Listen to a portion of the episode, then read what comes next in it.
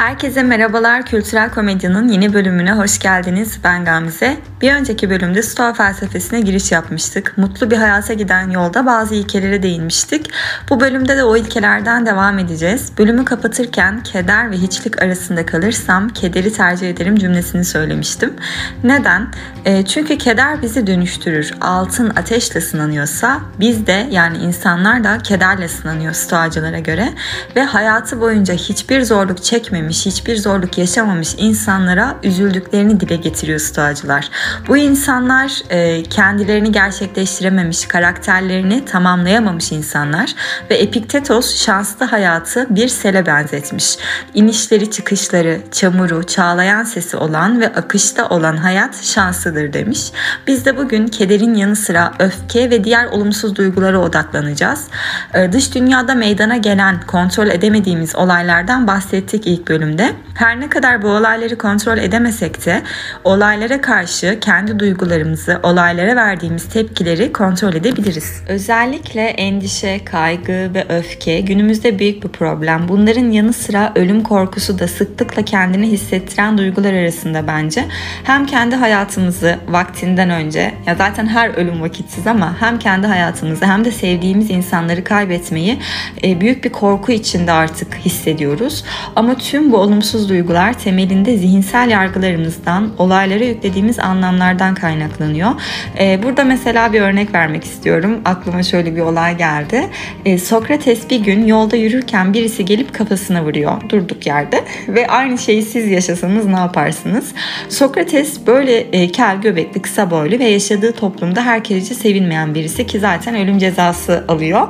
Neyse vurana dönüp diyor ki ya bugünlerde yolda yürürken kaskımın yanımda olmaması ne kadar talihsiz değil mi? Düşünemedim tüh diyor.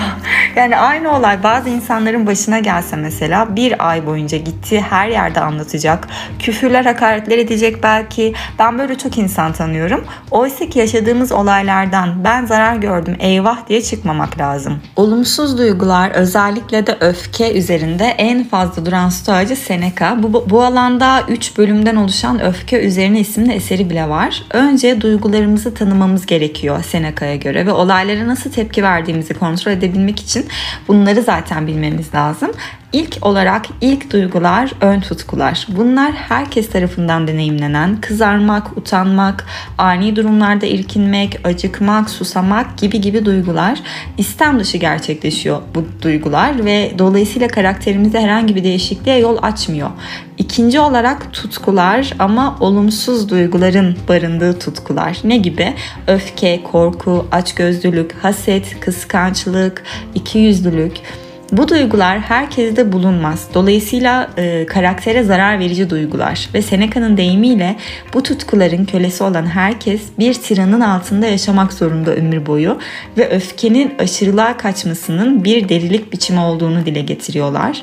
İyi duygular, iyi tutkular bunlar da olumsuz duygular gibi e, zihinsel yargılarımızdan kaynaklansa da karakterimizi olumlu yönde şekillendiriyorlar. Neşe, keyiflilik, arkadaşlık, sosyallik, iyi niyet, iyi düşünceler ve bu duyguları, tüm bu duyguları üç bahsettiğim kategorideki yaşadığımız olaylara uygulama noktasında bilişsel davranışçı terapinin kurucularından Albert Ellis'in öne sürdüğü bir teori var. ABC duygu teorisi deniliyor buna. Kendisi de zaten bu ekolü kurarken stoacılardan oldukça etkilendiğini dile getirmiş. Nasıl bir teori bu? Bahsedelim bir olay üzerinden örnek verelim. Ee, mesela iş yerinizde arkadaşınız üzerinize kahve döktü. Eyvahlar olsun. Şimdi A tetikleyici bir olay. Yaşanan olay e, işte artık üzerimize kahve döküldü. Çok sıcaktı. Kıyafetimiz evet bakıyoruz. E, yani kıyafetimiz lekelendi.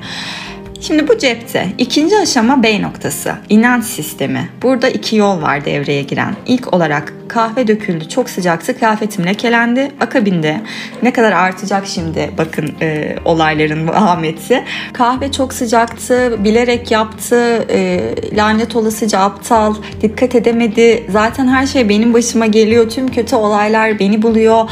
Hayatım istediğim gibi gitmiyor, bıdı bıdı bıdı bıdı derken artık ne oldu olay yaşanandan da çıktı bir şekilde hayata karşı, insanlara karşı, kendimize karşı nefret cümleleri kurarken bulduk kendimizi. Ve öfkelendik oldukça tabii ki bu düşünceler geldikçe aklımıza peş peşe İkinci yol ne yapabiliriz? Evet bu yaşandı. Zamanı iki dakika geriye alıp buna engel olabilir miyim? Artık hayır. Ne yapacağız? Duygularımızı kontrol edip kendimizi öfkenin tiranlığına kaptırmadan bir çözüm bulacağız. Biraz polyanlacılık yapabiliriz bu noktada. E, mizahı da kullanabiliriz. Özellikle kendi kendine gülmeyi bilen insanlardan olmak stoacılık için güzel bir başlangıç.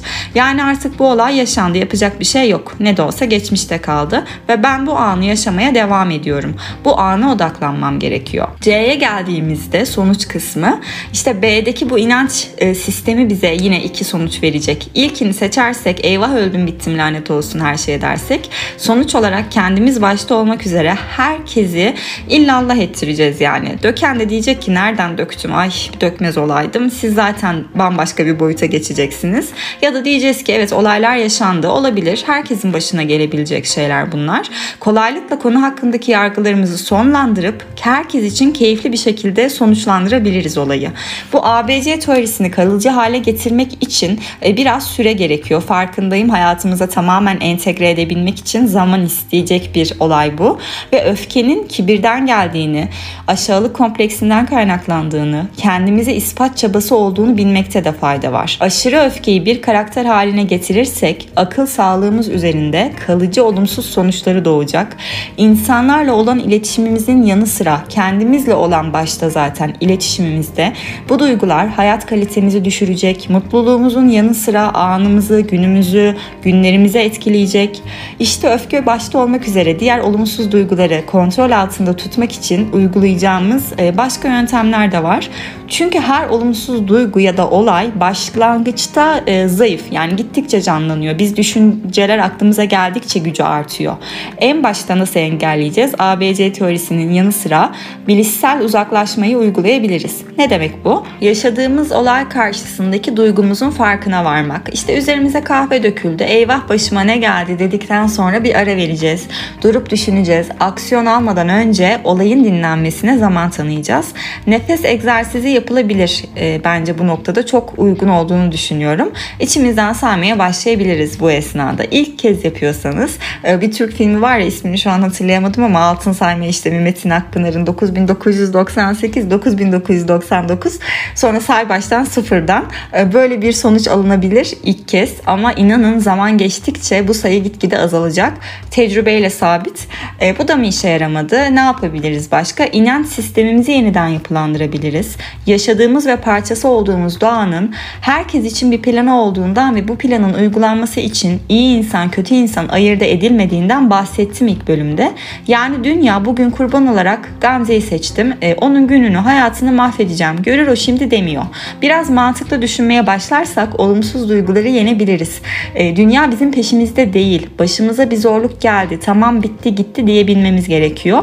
Ve bu iki yöntem Amerikan Psikoloji Derneği tarafından önerilen yöntemler. Ve istikrarlı uygulanırsa inanın olumsuz duyguları kolaylıkla dönüştürebiliyoruz. Peki kaygılar ya da diğer olumsuz duygular ne olacak? E, bu noktada bilinçli farkındalık yani mindfulness'la bağdaştırıyorum ben bu düşünceleri. E, onunla ilgili bir bölüm yapma düşüncem de var. Bizden önce herkesin yani bizden önce yaşamış olan herkesin nereye gitti, nerede olduğu belli değil mi? Nihai son ölüm. Sahip olduğumuz tek şey şu an hatta biraz memento mori deyimiyle de alakalı ölümlü olduğunu hatırla. Gelecekte ne olacak bilemeyiz. Milyarlarca ihtimal var. Yani düşünsek bile ne insan ömrü ne zaman buna yetmez. Geçmişte, gelecekte şu anda mevcut değil. Ama şunu da ekliyorlar. Olumsuz bir şeylerle e, karşılaştığımızda tepkimizi önceden hazırlarsak, sıkıntıları önceden tasarlarsak o olayla karşılaştığımızda yaşadığımız yıkımın yok olacağını ya da çok azalacağını dile getiriyorlar. Tabii ki dediğim gibi milyarlarca ihtimal var. Her şey için kendimizi hazırlayamayız ama onlar bize şunu tavsiye ediyor. Özellikle yakın çevremizi, arkadaş, eş, dost, aile gibi her an kaybetme ihtimalimiz olduğunu ve tabii ki kendimizin de her an ölebileceğini arada sırada hatırlatalım. E, çünkü bunlar günün birinde gerçekleşecek olaylar maalesef ve ne kadar sıklıkla hatırlatırsak bu ihtimali ne kadar çok kabul edersek gerçek gerçekleştiğinde uğrayacağımız üzüntü o denli azalır gibi bir mantık. Ben buna katılmıyorum bu arada. E, çünkü bir insana duyduğunuz duygu ve düşünceler gerçekse, samimiyseniz bu düşüncelerde, isterseniz günün her saniyesinde o insanın hayatınızdan çıkabileceğini ya da o insanı kaybedebileceğinizi, öleceğini düşünün, hatırlatın. Yine de bunu düşünmekle bizzat yaşamak arasında çok büyük fark var. Yani yaşandığında kim diyebilir ki evet ben bunu kendime hazırlamıştım bugüne. Tamam problem değil ben zaten hazırdım diye kim düşünebilir e, bilemiyorum. Bana burası çok mantıklı gelmiyor. E, ama şöyle yapabiliriz. Mesela hayattaki en büyük korkunuz ne? Bir tane bir korku seçeceksiniz kendinize. Neyse artık bu yaşandı diyelim ve bunun yaşanması karşısında ne yapacaksınız? Belki önceden kendinizi bunu hazırlarsanız en büyük korkunuz gerçekleştiğinde yıkıma uğramazsınız. Çünkü bir planınız olur cebinizde. Böyle uygulanabilir bence hayata. Bu açıdan oldukça makul. Dolayısıyla bir krizle karşılaştığımızda şaşırmamak, ne yapacağımızı bilmemek için kendimizi önceden hazırlamak e, gerekiyor ve bu sıkıntılarla karşılaşmamız bizim karakterimizin bir teste maruz bırakılması. Dolayısıyla teste maruz kaldığımızda daha nazik, gelecek olan başka sıkıntılara, zorluklara karşı sınanmaya daha hazır hale geleceğiz. Bu bağlamda biraz e, özellikle anksiyete tedavisinde kullanılan maruz bırakma terapisine de benzetiyorum ben. Ne yapılıyor maruz bırakma terapisinde? E, sizin bir endişeniz ya da fobiniz var artık kaynağı her neyse. E, örümcek korkusu diyelim yani örümcekle karşılaşmasanız, aynı odada bulunmasanız, yaşadığınız çevrede dahi örümcek e, familyası olmasa bile o düşünce sizin aklınızı yiyor anksiyete yani.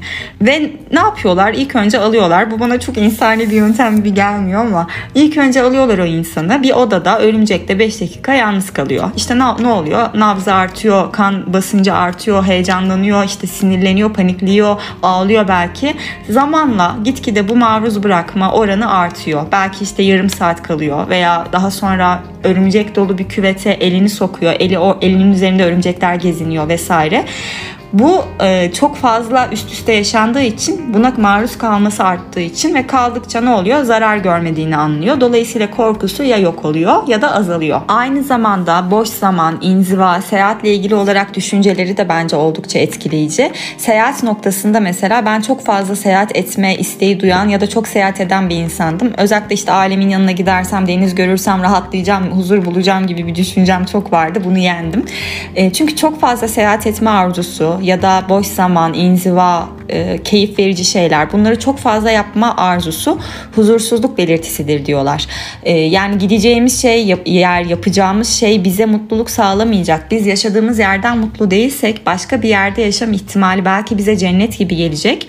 Ama o yaşama başlayınca hayatımızda her şey çok güzel olmayacak. Bizim düşünce yapımız aynı. Psikolojimiz, mental sağlığımız, düşüncelerimiz aynı. E, biraz şey gibi hani çimin, çitin ötesindeki çim daha yeşildir sendromu var ya işte komşunun tavuğu bize kaz görünür. Aslında önemli olan çimin hakkındaki düşüncelerimiz, ona atfettiğimiz değer kendi yargılarımız. Bu nedenle kendi içimizde huzur bulamadığımız sürece nereye gidersek gidelim tutarlı bir mutluluk yakalamak mümkün değil. Çünkü oraya da alışacağız. Hedonik adaptasyon gibi. Yani yaşanan yer ne olursa olsun size sükuneti kalıcı olarak sağlamayacak.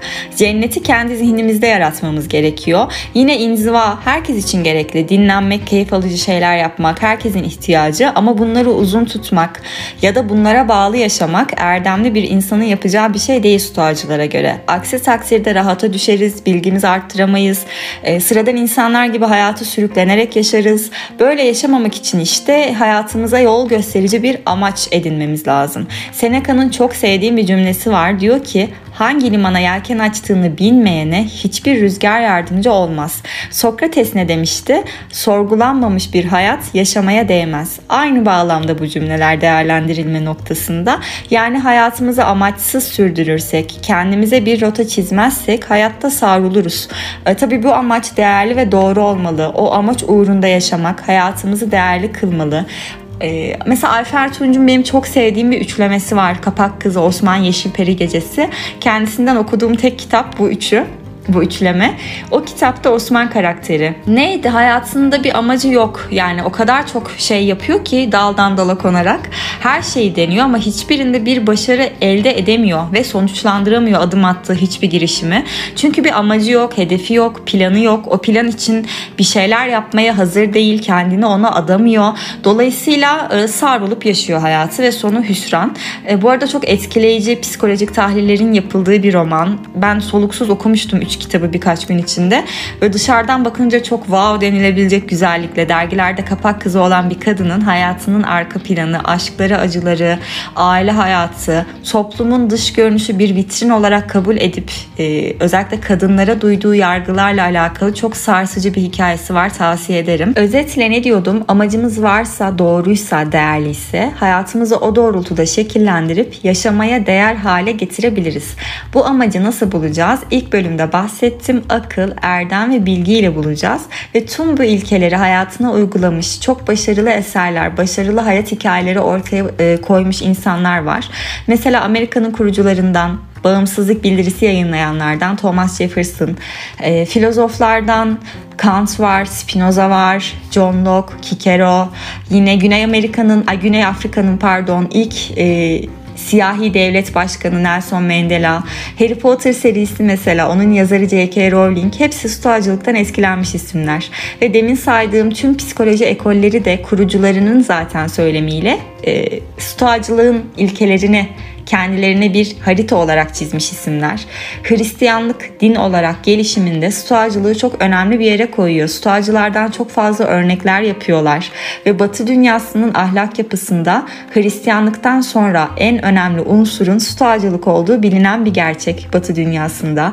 Roma hukuku, dünya hukukunun temeli zaten Roma hukuku. Temelinde stoa temelli 3 ilke var. Ne bunlar? Dürüst yaşamak, hiç kimseyi incitmemek, herkese hakkını vermek. Sona doğru giderken biraz da eleştirilere değinmek istiyorum. Bir önceki bölümde söyledim Nietzsche'den, e, Nietzsche hakkında konuşmak istiyorum şeklinde. E, Nietzsche'nin İyinin ve Kötünün Ötesinde isimli bir eseri var. Ee, şöyle tavsiye edeyim kitabı ilk kez Nietzsche okuyacaksanız ağır kaçabilir. Zaten Nietzsche'nin dili genel olarak ağır, anlaşılması zor bir yazar. Ama e, felsefesi hakkında ya da dili hakkında bir bilgi sahibiyseniz, aşinaysanız tavsiye ederim. Ya da siz bilirsiniz her halükarda okuyabilirsiniz. Güzel bir kitap. E, Nietzsche bu kitabında hem hakikati sorguluyor hem de hakikatin bir e, dogma gibi dayatıldığına ilişkin kendisinden önce gelen filozofların sanki hakikati bulmuş gibi insanlara bunu dayatmasıyla alakalı oldukça sert eleştiriler var. Hatta Darwin, Charles Darwin bile evrim teorisinin kurucusu Charles Darwin bile nasibini almış. Yani ne alaka dedim ben okurken ama Stoizmle alakalı da şöyle bir eleştirisi var. Stoacılar doğa gibi ne zaman ne yapacağı belli olmayan bir varlığa uygun yaşamayı nasıl isteyebilirler? Yani doğaya uygun yaşamak, yaşama uygun yaşamaksa zaten hepimiz böyle yaşamıyor muyuz? Çünkü nedir Stoacıların değer yargıları? Mesela doğa merhametli diyorlar. Ama aslında doğa merhametli değil. E, tamam veriyor ama verdiği kadarını alıyor. E, ne zaman ne yapacağı belli değil. Dolayısıyla neden siz kendi düşünce yapınızı doğaya dayatmaya çalışıyorsunuz? Neden bunu dikte ediyorsunuz? Kendinize zulmediyorsunuz, kendinize aldatıyorsunuz. E, onlar birer tiyatrocu demiş hatta. Yine başka bir filozof Bertrand Russell mesela daha demin ölüm hakkında ben de e, söyledim düşüncemi. Russell gibi düşünüyorum bu noktada. O da diyor ki insanlar akıl ve iradelerini kullanarak e, eylemleri hakkında kendileri karar verebilir. Yani e, sizin biraz düşünce sisteminizde, erdem ilkenizde donukluk var diyor. E, bilgi bir kişi ölüm olayında bile üzülmüyorsa, acı duymuyorsa bu biraz yüzeysel bir anlayış diyor. Katılıyorum ben bu eleştiriye. Hegel de eleştirmiş. E, Hegel'in biraz karmaşık bir düşünce sistemi var. Eleştirel noktada da e, epikürcüler, kinikler, stoacılar hepsini ele almış. E, çok bulandırmak istemiyorum. Özetle şöyle söyleyeyim. Diyor ki düşünceleri ve kavramları çok mutlak değil. Göreceli ve tutarlı değil. Yine 16. yüzyılda stoacılara şöyle bir eleştiri geliyor. Hatta aslında bir tanım geliyor ve bu kendi kendilerinin biraz yanlış belki ifadesinden yanlış anlaşılmadan kaynaklanıyor diye düşünüyorum. E, diyorlar ki stoacılar duygularını bastıran, özellikle kötü duygu ve düşüncelere kayıtsız kalan, olumsuzluklara karşı ilgisiz insanlar diyor. Yani acı çekmiyor hiçbir şekilde bunlar etten duvar gibi bir anlam. Ama Epiktetos aslında diyor ki stoacılar bir heykel gibi duygusuz olmamalıdır. Sanıyorum bu noktada stoacıların hem birbirinden farklı söylemleri e, bu kötü olaylarla alakalı hem de belki de yanlış anlaşılmalarından kaynaklı bir eleştiri olabilir. Ama siz derseniz ki ölümde de kendinizi hazırlayın, üzülmeyin derseniz e, böyle eleştiriler gelmesini de anlayabiliyorum. Tabii şunu bilmekte fayda var. İlk bölümde değindim. Bu sistemler, bu ilkeler günümüzden 2300 yıl önce ileri sürülen ilkeler. Bunu bilmemiz lazım. Yani bazı noktaları ütopik geliyor. Farkındayım. Bana da öyle gelmişti çünkü. Ama günümüze uyarlarsak herkes için faydalı olacağını düşünüyorum. Ben mesela 3-4 senedir stoğacılıkla ilgileniyorum. Arada bu ilkeleri kendime hatırlatıyorum. E, aldığım notları gözden geçiriyorum ve kendi kendime çok güzel sonuçlar aldım. Stoğacılık hakkında konuşacak daha çok şey var ama konuya ilgi duyanlar için bir önceki bölümde bahsetmiştim. Marcus Aurelius'un Kendime Düşünceler isimli e, güncesini okuyabilirsiniz. Seneca'nın kitapları var. Epiktetos'un bir kitabı yok. Yani söylemlerinden oluşan eserler var. E, ya da daha hap bilgiler isteyenler için destek yayınlarının cep kitabı boyutunda böyle 60-70 sayfalık biyografik serileri var. Hemen hemen herkes hakkında böyle e, bir seri bu. O seriden mesela Kıbrıs'ı Zenon'u, Seneca'yı, e, Epiktetos'u, Marcus Aurelius'u okuyabilirsiniz. Zaten o kadar kısa kitaplar ki her biri bir kahvelik sürede belki bitebilecek kitaplar. Benim stoğacılık hakkında söylemek istediklerim bu kadar. Umarım bu ilkeleri hayatınıza uygulayıp çok güzel sonuçlar alırsınız. Kendinize iyi bakın. Hoşçakalın.